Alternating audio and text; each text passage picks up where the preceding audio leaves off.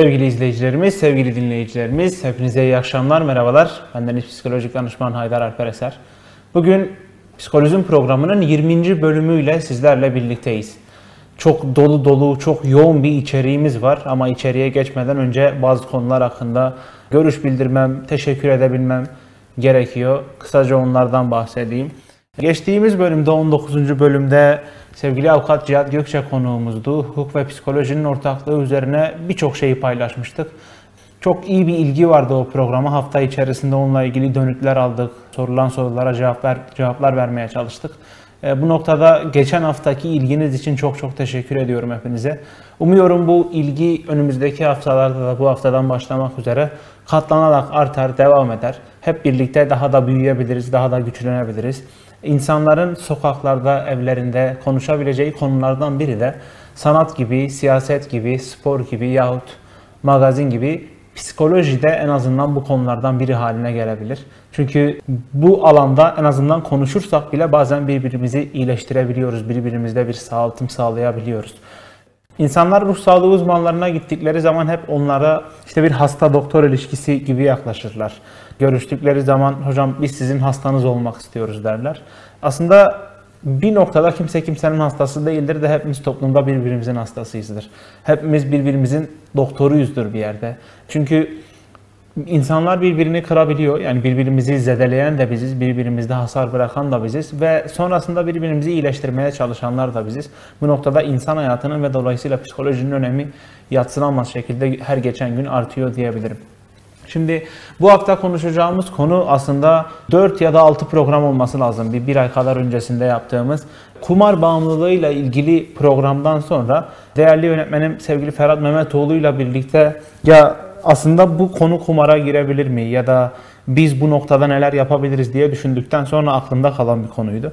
Konuları aslında böyle hafta hafta belirlemiyorum. Bir program halinde gitmiyorum. Biraz daha nabza göre durmaya çalışıyorum, konum almaya çalışıyorum. İnsanların istekleri, ilgileri çok çok önemli bu konuda. Çünkü çıkıp sadece kendi istediklerimi, sadece kendi ilgi alanlarımı anlatırsam bu hepimiz için çok çok sıkıcı olacaktır. Cumartesi günü programın konusuyla ilgili kendi Instagram hesabımdan bir anket başlatmıştım. Bu ankette %74'lük bir oranla ki bu ciddi bir oran, e, oy verenlerin çoğunluğu bu konuyu istemişti. Kripto paralar, coin sistemleri, bunların insan yaşamına etkisi, insan psikolojisinin bunları nasıl yorumladığı ile ilgili bir konu belirlemiştim. İnsanların yani sizlerin isteği doğrultusunda aslında bugün bu konuyu konuşacağız. Konu kendi içerisinde çok fazla bölüme ayrılıyor.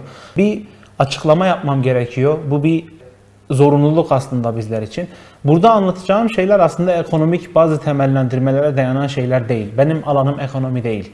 Ya da işte finans vesaire gibi bir bölüm okuyup buraya gelmedim. Anlatacağım her konuyu genellikle kendi alanımla bağdaştırmaya ve iki alanın ortaklığını en azından bizler bizleri nasıl etkilendiğine dayatmaya çalışıyorum. Ee, bu yüzden söylediğim herhangi bir şeyi bir yatırım tavsiyesi olarak algılamayın lütfen. Ya da anlattığım şeyleri işte kendi ekonomik ya da finans dünyanıza yön verecek bir tutum olarak düşünmeyin. Yapmak istediğim tek şey doğrusuyla yanlışıyla insanların nasıl karar verdiğini, işte hangi gruba ait olmak istediğini ve bunların temellendirmelerini açık, şeffaf bir şekilde ortaya koyabilmek. Bununla ilgili bu hafta yaptığım çalışmalar özellikle bugün sabah itibariyle yaptığım çalışmalar içerisinde çok fazla banka hesabı inceleme fırsatı buldum. Ee, banka hesabı derken bu nakit hesapları vesaireler değil, internet sistemlerini inceledim. Ee, acaba bu konularla ilgili onların fikirlerine, bilgilerine. Bazı bankalar bunları kendi birimlerinde yapabiliyorlar. Tıpkı işte döviz hesapları gibi, altın hesapları gibi bir coin hesabı şeklinde geliştiren bankalar var. Sanıyorum incelediğim bankalar içerisinde en bu konuda net açıklama yapan ya da psikolojik bağlamda bu konuyu ortaya koyan bankalardan birisi bir devlet bankasıydı. Buradan şu çıkarımı yapabilirim. Aslında bankaların da kendi aralarında bir risk alma anlayışları var. Ve birçok noktada bizler de bu risk dediğimiz tanıma entegre olarak çalışabiliyoruz. Benim için yeni bir soru doğdu aslında bunu düşünürken. Acaba ruh sağlığı uzmanları işte ekonominin, finansın olduğu mecralarda, borsalarda, bankalarda ya da benzeri yerlerde insanların kazanç sağlamasını bir amaç olarak edinen yerlerde çalışabilirler mi? Evet bu noktalarda da çalışabiliyoruz. Çalışabildiğimiz alanlar aslında genel anlamda insan kaynakları içerisinde olsa da bu biraz daha mesleki anlamda yatkınlık ya da okul hayatı süresince duyulan ilgiyle ilgili şeyler. Özellikle 2019 itibariyle ki bu artık bir motto oldu bizler için. Her programda bunu söylüyorum. Çünkü bizim için milat gibi bir şey. Tutumlar değişti, akademik çalışmalar, her şey çok fazla değişti 2019'dan sonra.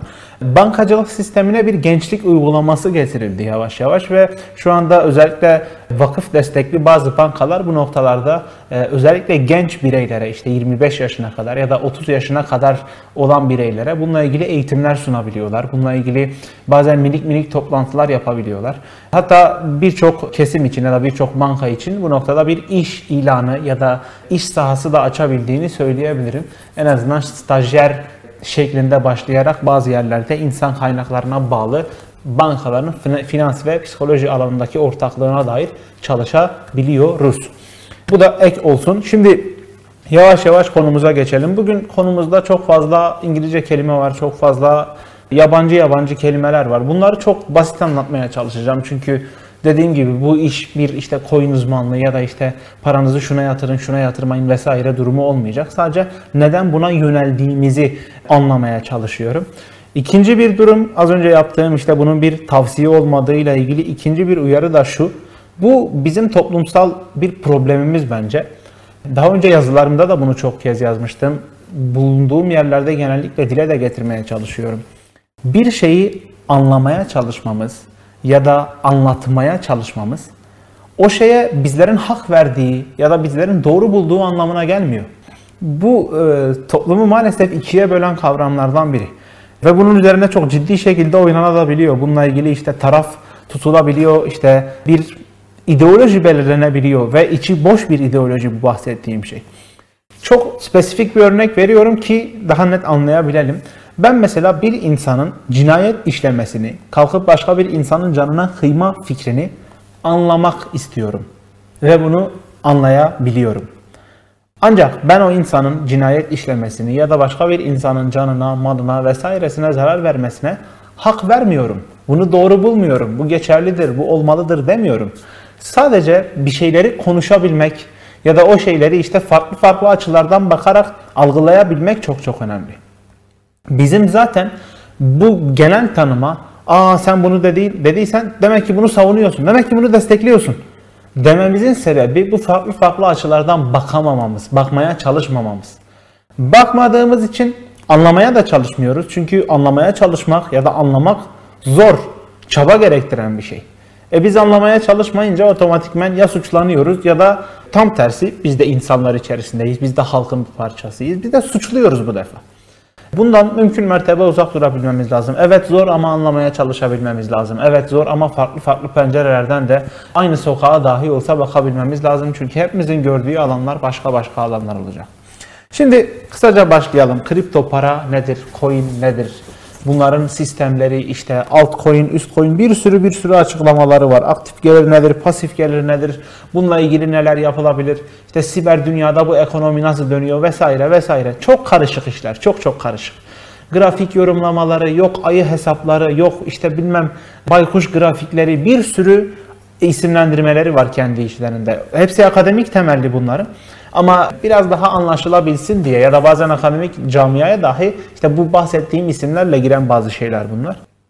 Çok karışık. O yüzden bu bahsedeceğim şeyler diğer programlarda yaptığımız gibi işte bir üniversitede alınan bir 101 dersi gibi değil.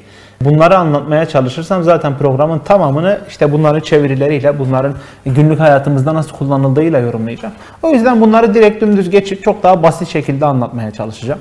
2010'lu yıllara kadar aslında bankalar, dünya üzerindeki finans, ekonomi ve para politikaları genellikle merkeziyetçi bir politikayla yönetilirdi. Bu ne demek? Bu şu demek. Her ülkenin kendine ait bir merkez bankası vardır. Bir işte büyük işlem gören bir borsası vardır.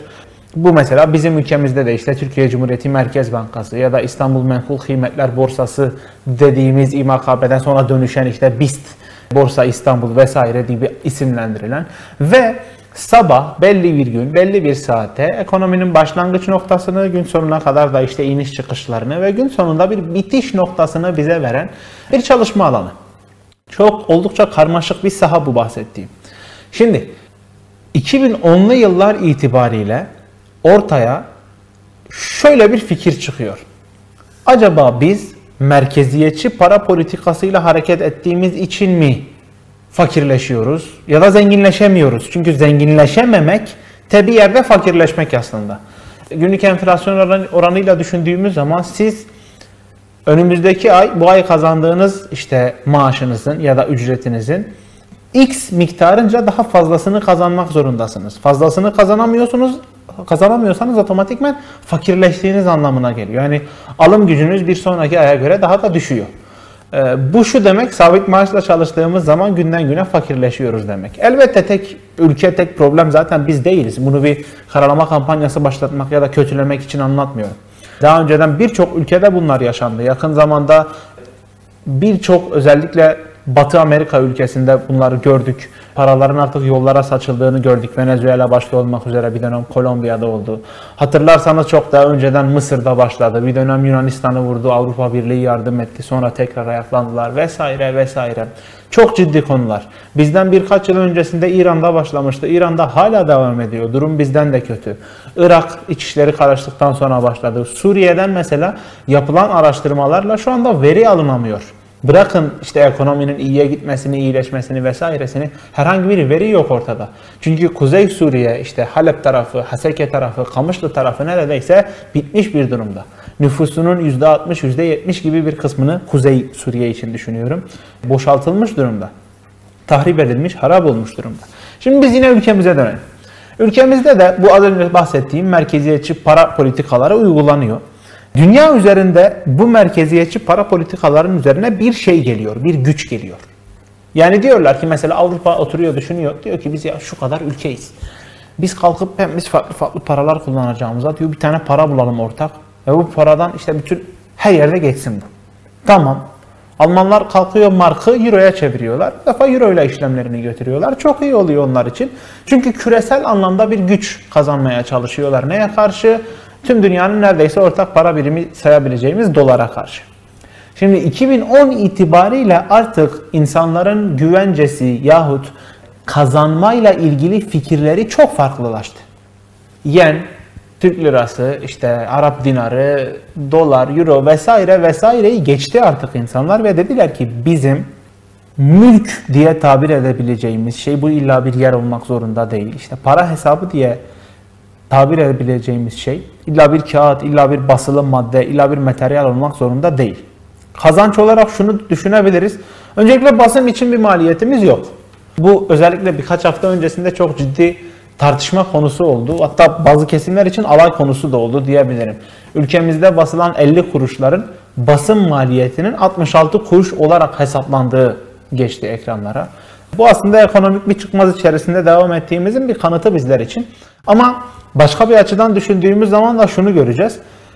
Biz 50 kuruş basmadığımız zaman aslında 66 kuruşu da harcamamış oluyoruz. Coin hesabında olan şey bu. Elektronik ortamda herhangi bir basım yok. Herhangi bir dağıtım yok. Herhangi bir işte o görevlilere maaş vermek zorunda değiliz. Hiçbir şey yapmak zorunda değiliz ve bu küresel bağlamda düşündüğümüz zaman oldukça büyük bir yüzde. Yani onlarca, binlerce, yüz binlerce belki insanın işte iş kolu, ekmek kolu ve bunların hepsini tek bir yere toplayıp yeni bir para fonu oluşturmak istediler. Bu bir taneyle başladı. Tek bir fonla başladı. İnsanların dalga geçtiği, insanların böyle saçmalık mı olur falan dediği bir fonla başladı. Ve bu 2021 bugün işte en son baktığım zaman Ekim ayının verilerini aslında gördüm. 2021 Ekim ayıyla birlikte şu anda 10 binden fazla coin diye tabir ettiğimiz farklı farklı para fonları, farklı farklı varlık fonları var. Bu işte fondur vesaire hani isimlendirmeleri ben oldukça basit anlatmaya çalışıyorum. Ekonomist değilim dediğim gibi. Ama anlamamız gereken şey şu. 10 bin yıl içerisinde bir tane olan şey 10 binin üzerine çıkmış. Tek bir hakimiyet farklı farklı alanlara bölüşmüş ve her geçen gün bunlardan yenileri çıkmaya, yenileri hayatımıza dahil olmaya başlıyor. İnsanlar mesela artık şuna döndüler. Eskiden derdik ki ya işte ne kadar ünlü bir insan baksana kendi adına internet hesabı var, kendi adına şu var, bu var falan filan. Şu an ünlülük kendi adına bir coin çıkarmayla yarışır halde. Büyük şirketler kendi adına coinler çıkarıyorlar ya da tanınmış insanlar, fenomenler kendi adlarına işte coin çıkarıyorlar. Yine birkaç ay öncesinde mesela işte çok magazinsel bir tanım, çok magazinsel yanını sevmem ama örnek teşkil etmesi için anlatacağım. Şeyma Subaşı'nın kendi adına bir işte coin çıkardığını ve bunu piyasa üzerinden satışa sunduğunu haberler yazdılar. Bu aslında insanlar için bir taraf oluşturma ya da kendi fanlarına, kendi kitlesine karşı da yapılan bir eylem. Şimdi birazdan bunu sosyal psikolojiyle ve finans psikolojisi diye tabir ettiğimiz henüz ülkemizde olmayan ama Avrupa'da çok değerli bir konum arz eden alanlarla ilişkilendirmeye çalışacağım. Konu kısmına işte tam olarak geçmeden hala bir şeyleri anlatabilmem lazım. Şimdi bu bizim bahsettiğimiz şey önceden de vardı aslında. Biz işte Türk parasına belki güvenmiyorduk ya da işte dolara, euroya. Hani herhangi bir ülkenin para birimine, merkez bankasından çıkan basılı bir mal almamızı yahut harcama yapmamızı sağlayan o nitel şeye güvenmiyorduk. Ve bu farklı bir yolla devam ettirmeye çalışıyorduk. Mesela işte altın alıyorduk, altın topluyorduk diyelim. İşte çeyrek altınlar diziliyordu, onlar yapılıyordu falan filan. Sonra bunun yerine işte dolar almaya başladı, başka bir şey almaya başladı.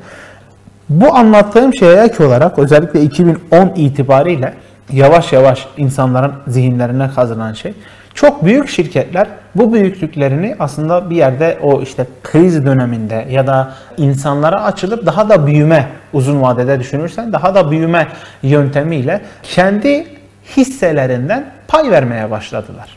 Siz milyon dolarlık insanlar olmak zorunda değilsiniz. Sizin çok ciddi varlıklarınız olmak zorunda değil. Çok cüzi rakamlarla da çok ciddi şirketlerin, çok büyük şirketlerin ortağı haline gelebildiniz. Bu insanlar için çok farklı bir yol açtı. Şunu dediler, o zaman biz buradan kendi ekonomimizi kurabilir miyiz? Aslında düşündüğümüz zaman coin sistemiyle aynı mantıkta devam etti bazı şeyler. Hala ekonomi anlatıyorum, farkındayım kendi alanıma. Şimdi işte yavaş yavaş başlayacağım anlatmaya, ilişkilendirmeye ama ekonomik kısmını anlatmadan bizim alanla ilişkisinin ne olduğunu da vermem biraz zor, biraz mantıksız bu konuda.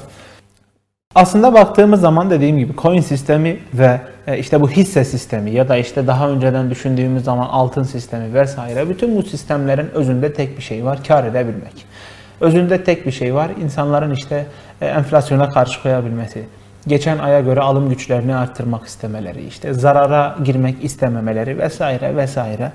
Ama özünde şunu anlıyoruz. İnsan belki kaybetmemeyi de bir kazanç olarak görebiliyordur. E, tanımlar farklı olabilir ama özü itibariyle kazanmak istiyor. Bu 2020 itibariyle belki daha 2015 sonralarında daha da farklılaştı. Şöyle bir hale geldi. Acaba kısa yoldan para kazanmak mümkün mü? Biraz daha ilerledi. Acaba kısa yoldan bu defa zengin olmak mümkün mü? Şimdi burası zaten tam tıkandığımız, tam kilit hale geldiğimiz nokta. Çünkü insanlar kısa yoldan zengin olmayı o kadar istediler ki bu işte piyasa içerisinde, bu fonlar içerisinde ciddi patlamalar yaşandı. Şimdi başlayalım anlatmaya bakalım. Bu kadar anlattığımız şeyin bu dünya üzerinde işte küresel bağlamda ekonomik anlamda bir pay belirleyen ya da kendi payını oluşturmayı başarabilen şeylerin psikolojiyle yani bizim alanımızla ilgili konuları neler, ortaklıkları neler biraz biraz bunları anlatalım. Bir es verip başlayalım hemen. Ekonomik kısmı anlattık. Ekonomik kısımdan hemen sonra yavaş yavaş işte bizim kendi alanımızla ilgili ilişkisi nedir bunu anlatmaya çalışacağım. Bahsettiğim verileri ya da psikolojik temelde anlattığım şeyleri de dediğim gibi ülkemizde yaygın olan bir devlet bankasının sayfasından aldım. Tabi bununla ilgili ekstradan birkaç makalede okuduğumu söylemem gerekiyor. Şimdi kripto paranın da aslında bir psikolojisi var. Çok duyulmamış bir tanım aslında. Yani kripto para psikolojisi anlatıyoruz dediğimiz zaman insanlar diyor ki yani nasıl yani kripto paranın bir psikolojisi mi olur? Kriptoyu geçtim. Kripto hadi zor, hadi yeni gelen bir şey. Para psikolojisi anlatıyoruz dediğimiz zaman dahi insanlar için çok zor bir alan. Çünkü ne sosyal yaşamda bir e, yaygınlığı var, ne akademik manada bir yaygınlığı var. Akademik anlamda sadece sadece birkaç alan içerisinde derslerin belki konusu olarak böyle bir dokundurularak geçen şeyler. Programlara çıkmadan ben bunlarla ilgili işte yüksek lisanslar ya da eğitimler vesaireler, derneklerin, vakıfların verdiği şeyler var mı bakmaya çalışıyorum. Hani daha yoğun aktarmaya çalışıyorum. Çünkü programı herkes gibi kendi meslektaşlarım da izliyor. Ve o meslektaşlarımdan birinin de belki bir işte faydasına dokunabilecek bir şey söylemek isterim. Ülkemiz içerisinde ekonomik psikoloji ile ilgili ya da para psikolojisi ile ilgili bir yüksek lisans alanı, bir lisansüstü çalışma alanı yok. Bir alt bir ek parantez açacağım. Para psikolojisi dediğim şeyle para psikoloji de çok çok başka şeyler. Sakın bunları karıştırmayın. Bu para psikolojisini şu an anlatıyorum ama para psikoloji dediğimiz zaman bir başka programın konusu olabilir. Onun şimdi işte hiçbir bir ilgisi yok. O daha biraz metafizik olayların psikolojideki zihin gücüyle nasıl davranışsal yaşama geçtiğiyle ilgili bir tür. Onu şimdilik unutalım, raflara kaldıralım. Dediğim gibi bununla ilgili bir yüksek lisans ya da bununla ilgili bir işte eğitim vesaire yok. Ha nasıl eğitimler var? Şöyle ekonomi, bankacılık, finans gibi alanlarda, hatta bazen dış ticaret gibi alanlarda bazı dersler veriliyor. Bu verilen derslerin içerisinde var. Ayrıca işte rehberlik ve psikolojik danışmanlık ya da sosyal psikoloji gibi yüksek lisans alanlarda da verilen derslerin içerisinde bunlar var. Ee, ama dediğim gibi çok daha böyle dokundurma noktasında aynı şekilde doktora alanlarını da düşünebilirsiniz. Şimdi bakalım kripto paranın temelinde insan psikolojisi nedir? Şimdi kripto para dediğimiz şey çok değişken. Çok kısa sürede artan, çıkan, inen, azalan ve insanların aslında bunu kontrol etmesi zor bir tür. Çünkü insanlar zaten işte geçtiğimiz programlarda da bahsettik. Mesela mobbing, işte işsizlik vesaire gibi programları hatırlarsınız. Geçen bölümlerden sürekli örnekler veriyorum. Onları da izlemenizi, takip etmenizi isterim. Çünkü birbiriyle ilişkili şeyler bunlar. Bizim anlattığımız şeylerde aslında işte şu var. İnsanlar günün zaten belli bir saatinde çalışıyorlar, belli bir saatinde uyuyorlar, belli bir saatinde farklı farklı şeylere zaman ayırıyorlar. Bu kadar yoğun değişikliği nasıl idame edecekler? Bu kadar yoğun farklılığa nasıl hükmedecekler? Bununla ilgili bir fobi de var zaten. O fobiyi de anlatacağım program sonuna doğru. Bir problem yaşıyoruz. Bu problemi yaşamamak için de sürekli sürekli bunları kontrol etmeye çalışıyoruz. Anam arttı mı, çıktı mı, azaldı mı, ne yapacağız, ne edeceğiz? Sürekli telefon elimizde, sürekli sayfalar yenileniyor. Bu bir noktada bizi sosyal medya bağımlısı olmaya itebilir. Geçtim bir noktada bizi bazı düşüncelerin aklımızda sürekli devam etmesi ve bunları artık kontrol edemememizle ama bilinçli bir şekilde kontrol edememizle obsesif bir türe itebilir. Bu davranışa geçerse kompulsif bir davranış özelliği gösterebiliriz.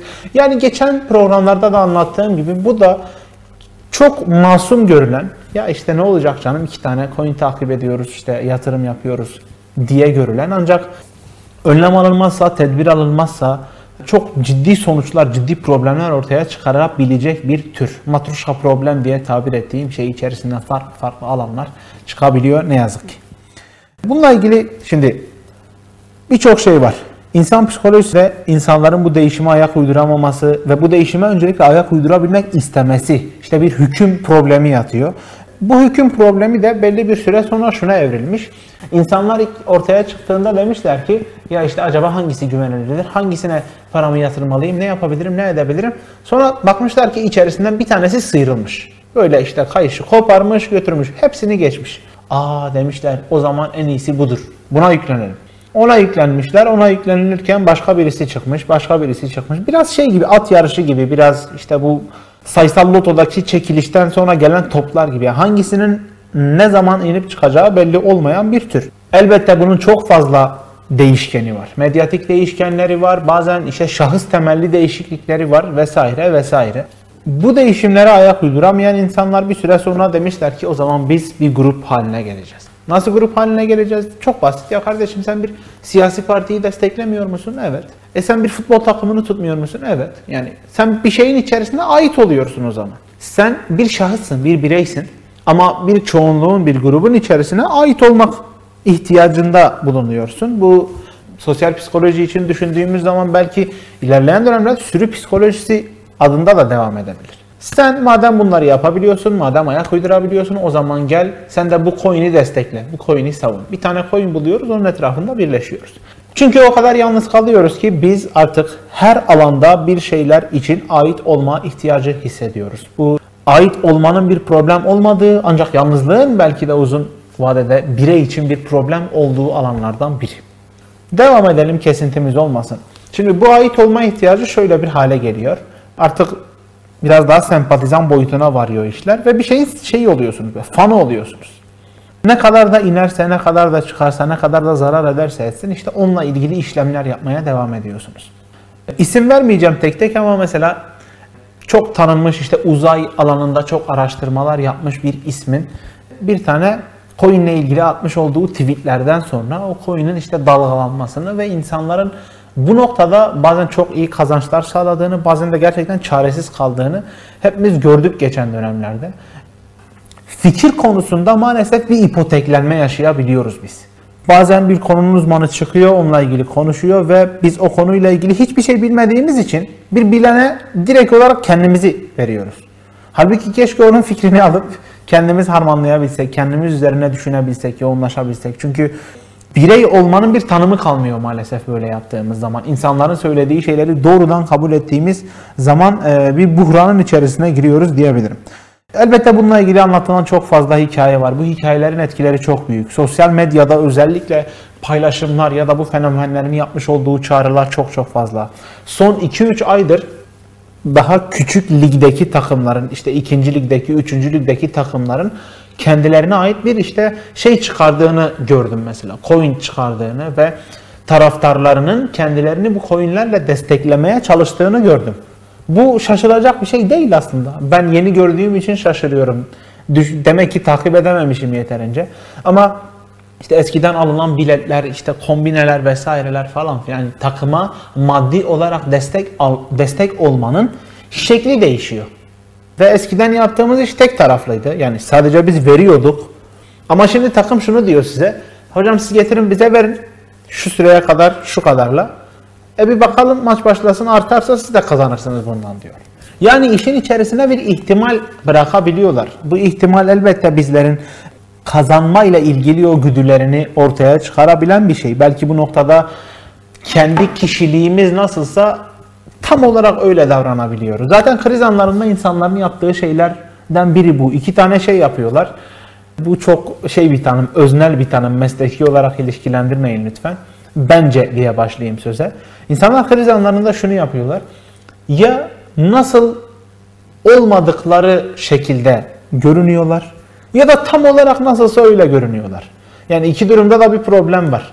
Birisinde kendi kişiliği yansıyan kişiliğini kaldırıyor ortadan. Birisinde de o gizlediği kişiliğini ortaya koyabiliyor. Şaşkınlıkların ya bireysel anlamdaki, iletişimsel anlamdaki problemlerin sebebi bence bu.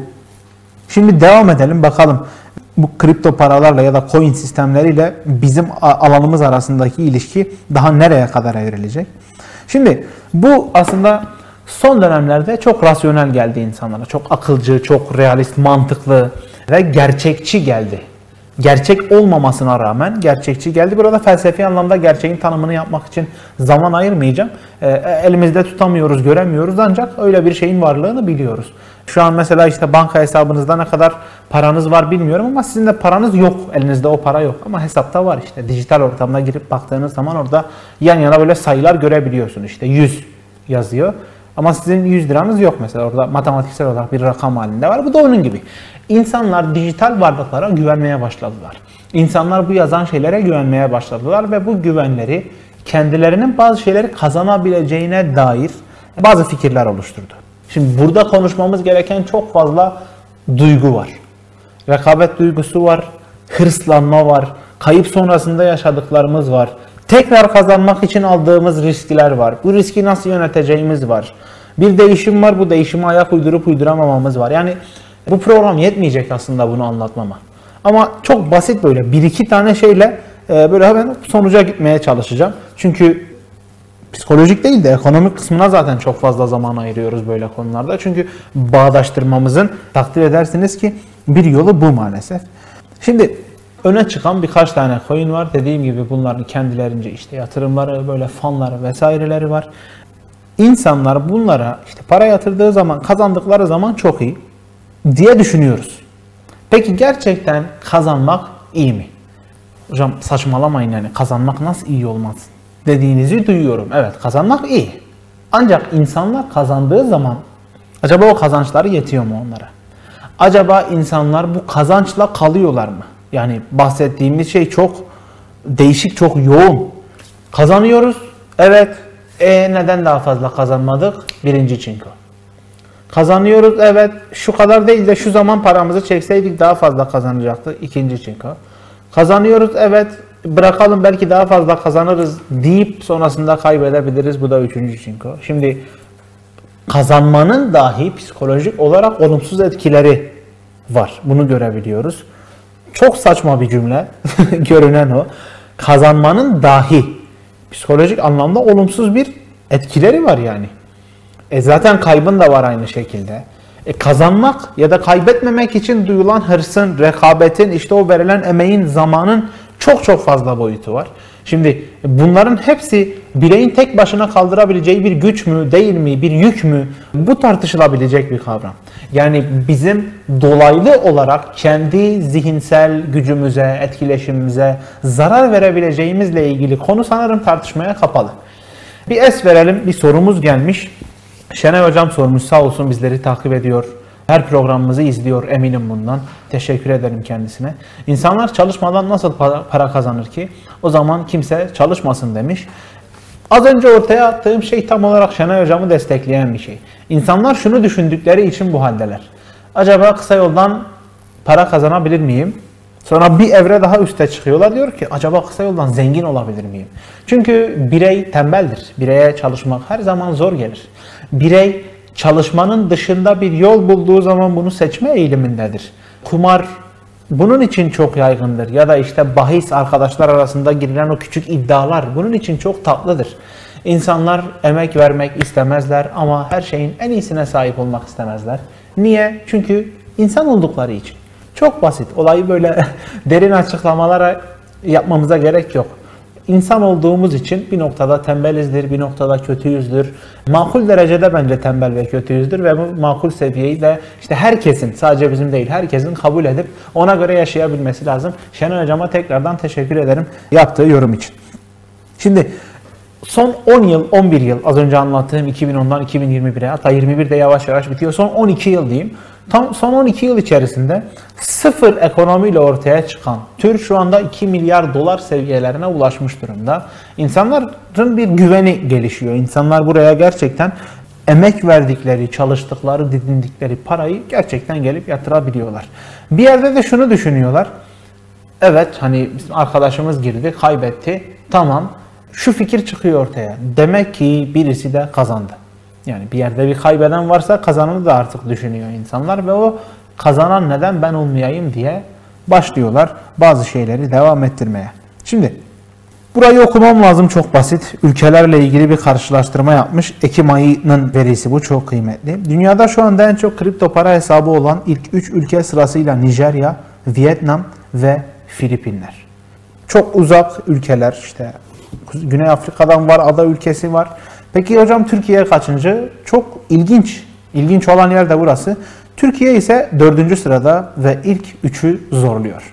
Yıl sonunda ya da önümüzdeki yılın ilk 6 ayında, ilk yarısında, belki de ilk çeyreğinde insanlar şunu yapabilecek. Bu yazılan grafikte tablonun üçüncüsün, üçüncü sırasında Türkiye'nin olacağını söyleyebilecek. Şimdi bahsettiğimiz bu ülkelerin enflasyon oranları da diğer ülkelere göre daha yüksek ki ülkemizde de günden güne artan enflasyondan hepimiz haberdarız. Yani bu ülkelerdeki insanlar çalışarak edindiği kazancını banka hesabına yatırıp bekletince parasının değeri durduğu yerde hızla azalıyor. Az önce Şener Hocam'ın sorduğu sorunun hatta yaptığı yorumun belki de bir cevabı olabilir bu. Bu da insanları içinde kripto para piyasasının değer aldığı türlü yatırım araçlarına yöneltiyor. Bir yerde insanlar kripto para dünyasına girmeyi kendilerince haklı buluyorlar. Haklı bulmalarının sebebi bu. Ben bu emeği verdim, bu kadar kazandım ancak problemdir. Ancak daha işte e, alım gücüm azalacaktır. Ancak çalıştığım şey boşa gidecektir. Bu boşa gitmesin diye aslında insanlar farklı yerlere yöneliyorlar. Çok basit bir sorumuz var. Soruyu hemen alalım. Emine Gülsün Eser sormuş. Sağ olsun, var olsun. Her şeye rağmen yine de altın almak en güvenilir yatırımdır değil mi hocam demiş. Bilmiyorum çünkü ekonomist değilim. Çünkü bununla ilgili bir fikir verebilecek durumda değilim. Ee, bu biraz daha kültürel bir şey. Bu biraz daha yıllardır insanların öğrendiği bir şey. Ancak dediğim gibi anlattığım şeyler bir yatırım tavsiyesinden ziyade sadece ekonomik alanın psikoloji alanıyla ilgili ilişkilendirilmesine dayanıyor. İzlediği için teşekkür ederim kendisine. Şimdi gelelim bizim az önce bahsettiğim program sonlarına doğru anlatmak istediğim fobiye. Şimdi FOMO diye bir şey var. FOMO. Dört harf. İngilizcesini vereceğim. Hemen Türkçesini anlatacağım ondan sonra. Diyor ki fear of missing out. Fear nedir? Korku, missing nedir? Kayıp, işte görmemezlik vesaire diye dışarı çıkmak ama burada dışarı çıkmak olarak adlandırılmamış öyle düşünmeyelim. Türkçe'ye direkt şöyle çevrilmiş. Bir şeyleri kaçırıyor olma korkusu. Bu büyüdüğü zaman bir fobiye, büyüdüğü zaman bir belki çok basit düzeyde anksiyeteye, belki bir obsesif, kompulsif bozukluğa ya da sadece obsesif bir tutuma dönüşebilir mi? Elbette dönüşebilir. Burayı da okuyayım. Buranın çünkü tanımı direkt akademik mecradan alınan. Gündeme gelen giderek adını daha çok duyduğumuz ve giderek daha çok insanın ilgilendiği, zevk aldığı şeylerden uzak kalma, gündemi kaçırma ve bu yüzden geride kalmayla ilgili anksiyete. Bir şeyleri kaçırıyor olma korkusu. İngilizcesi Fear of Missing Out yani kısaca FOMO olarak adlandırılıyor. FOMO diğer insanların aldığı bir zevkten mahrum kalma hissi odaklı bir kaygı durumudur. Ha o zaman bu insanlar sadece kazanmak için yapmıyorlar bunu. Bu insanlar bunu bir eğlence aracı olarak da görülüyorlar. Bu insanlar bu haritaları incelerken kendi hayatlarına dair bazı şeyleri öğreniyorlar. Yaşama bakış açılarını belki değiştirebiliyorlar. Yani bundan bu olaya aslında biraz hedonist yaklaşıyorlar. Zevk alabiliyorlar bundan. Çünkü zevk alma da herkese göre ya da zamana göre değişebilen kavramlardan biri. Şunu demiş, internet sayesinde giderek daha da globalleşen yaşamımızda önemli bir şeyleri kaçırıyor olma hissi insanlarda kalıcı bir anksiyete bile yaratabiliyor. Bu çalışmada FOMO'nun belirgin özellikleri şu şekilde ortaya konulmuştur. Birçok şey saymış. Bu saydığı şeylerden biri işte bir televizyon programını kaçırıyor musunuz? İşte mutfağa gittiğiniz zaman aklınız sürekli orada kalıyor mu? Cebinizde kumandayla geziyor musunuz? Sabah uyanır uyanmaz direkt telefon alıp sosyal medyaya bakıyor musunuz? Ya da işte hesaplarınızı kontrol edemiyor musunuz? Ediyor musunuz? Bu aslında FOMO'nun bir yerde başlangıcı bir sinyali şeklinde sayılabilir. Elbette bu bir akıl hastalığı, bir ruhsal bozukluk vesaire değil.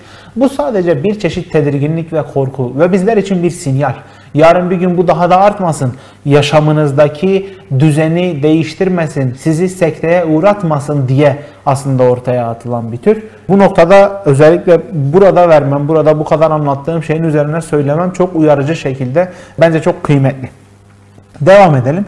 Aynı çalışmada insanların yemek yerken uyumadan hemen önce ve hatta sabah kalkar kalmaz doğrudan sosyal medyalar, e, medyalarını açıp bakmalarının temel nedeni olarak da aynı duygu yani bu korku diye tabir ettiğimiz fear of missing out dediğimiz FOMO görülüyor. FOMO ile ilgili yapılan araştırmalar biraz sınırlı ama çok fazla araştırmanın yapılması öneriliyor, tavsiye ediliyor. Hatta ben de yine aynı şekilde akademik hayatımda ilerleyen dönemlerde bununla ilgili çalışmak istiyorum. Çünkü çok daha spesifik bir alan ve şaşırtıcı bir alan. İnsanların ya öyle bir problem mi olur diyebileceği ama belki de birçok problemin altından çıkacağı bir tür FOMO. FOMO hissi yüksek olan insanların dijital para yatırımlarını daha çok yaptığına ilişkin veriler elde edilmiş. Bu biraz karşılaştırmalı yapılan şeyler. İnsanlar riskle ilgili duygularını kontrol edebiliyor mu, edemiyor mu? Ya da bunlar ona ne kadar mutluluk veriyor, veriyor mu en başta? Ee, bahsetmek istediğimiz şey bu. Biraz daha devam edelim. Çok son birkaç cümleyle toplayıp bitirelim. Şimdi Kripto para dünyasında FUD denilen bir terim de yaygın şekilde kullanılıyor. FUD işte İngilizce üç kelime yine. Fear, uncertainty ve doubt yani korku, belirsizlik ve şüphe kullanılan şeyler. İşte bu korku, belirsizlik, şüphe bireyde heyecan yaratan ya da işte o kazanmayla ilgili güdüyü açığa çıkaran şeylerden biri. Bununla ilgili çok fazla okumalar yapılabilir. Önümde de çok fazla veri var. Tek tek bunları anlatmayacağım. Anlattığım şeyler umuyorum yeterli olmuştur. En azından psikoloji ve ekonomik dünyayı, finans dünyasını birbiriyle bağdaştırmamızda, denk getirmemizde bir etken olmuştur. Uzun vadede bununla ilgili neler yapılabilir? O hepimiz için bir tartışma konusu, hepimiz için farklı bir alan. Şunu anlamamız lazım. Yaptığımız her şey özünde insanidir. Yaptığımız her şey özünde normaldir. Biz normalin dışına nasıl çıkıyoruz diye düşündüğümüzde gündelik hayatımızda bir aksamanın olup olmadığını yahut işte yakın çevremiz, sevdiklerimiz, ailemizden dahi bu konuda artık bir uyarı, bir üsteleme alıp almadığımızı kendimize sormamız lazım. Yaşam duruş, kişilik, karakter aslında bir yerde karar verme ile ilgili şeyler. Siz aldığınız kararlardan ibaretsiniz bence. Bir konuda ne kadar net karar verebiliyorsanız, olumlu ya da olumsuz, osunuz. Ya çok olumlusunuz ya çok olumsuzsunuz. Çünkü insanlar için temel olarak kimliğinizi ortaya koymanın yollarından biri bu. Tabi anlattığım şeylerin işte ahlaki ya da dini tartışmaları da vardır ancak ahlak sorumlusu ya da din adamı değilim. Dinin dinle uğraşan bir insan değilim ya da dediğim gibi ekonomist değilim. Ben sadece şeyleri kendi alanımla ilişkilendirmek, dünyaya kendi alanımın gözüyle bakabilmek ve acaba buradan bakarsak nasıl görülebilir diye işte üniversitelerdeki 101 derslerini buradan vermeye çalışan biriyim. Bugün 20. bölümümüzün sonuna geldik. Umuyorum aldığınız kararlar sizi her zaman mutlu eder.